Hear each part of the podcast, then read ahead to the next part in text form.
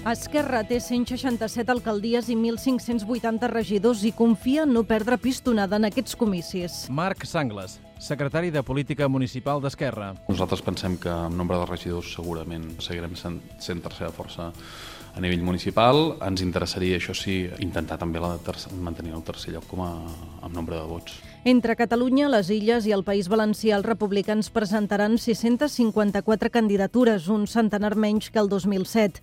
Amb la meitat dels caps de llista renovats, Esquerra es marca com a prioritat obtenir bons resultats a les capitals de comarca i blinda les seves dues principals alcaldies, la de Palafrugell i la de Manlleu.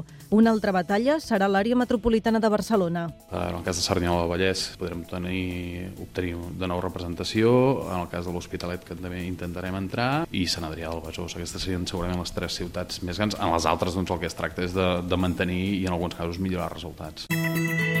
En aquests comicis, Esquerra ha buscat antídots per evitar una altra caiguda en picat a les urnes. La unitat de l'independentisme, que no va ser possible a les eleccions al Parlament, aquest cop es començarà a assajar. Presentem un acord del gran futur. Que és a Barcelona, Esquerra, Democràcia Catalana de Joan Laporta i Reagrupament han fet una candidatura unitària. És una oportunitat històrica el fer una gran coalició en aquestes eleccions municipals a Barcelona. Els republicans també han tancat pactes amb Reagrupament en una vintena de municipis més com Badalona, Mataró, Sabadell, Sant Cugat o Granollers.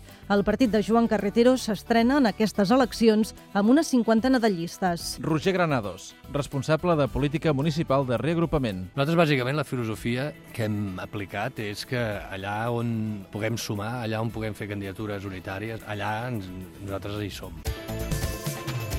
El feeling que hi ha hagut entre Esquerra i Reagrupament ha estat pràcticament nul amb els altres partits independentistes. Solidaritat s'estrena a les municipals amb un centenar de candidatures. No ha tancat cap coalició amb els republicans i només aniran acompanyats de Reagrupament en quatre localitats, entre les quals Tàrrega i l'Hospitalet de Llobregat.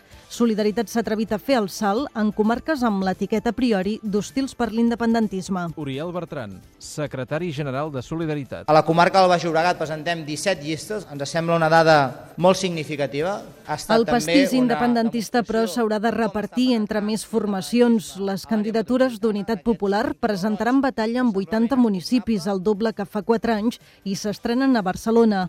Les CUP han teixit poques coalicions, la més destacada a Girona amb reagrupament.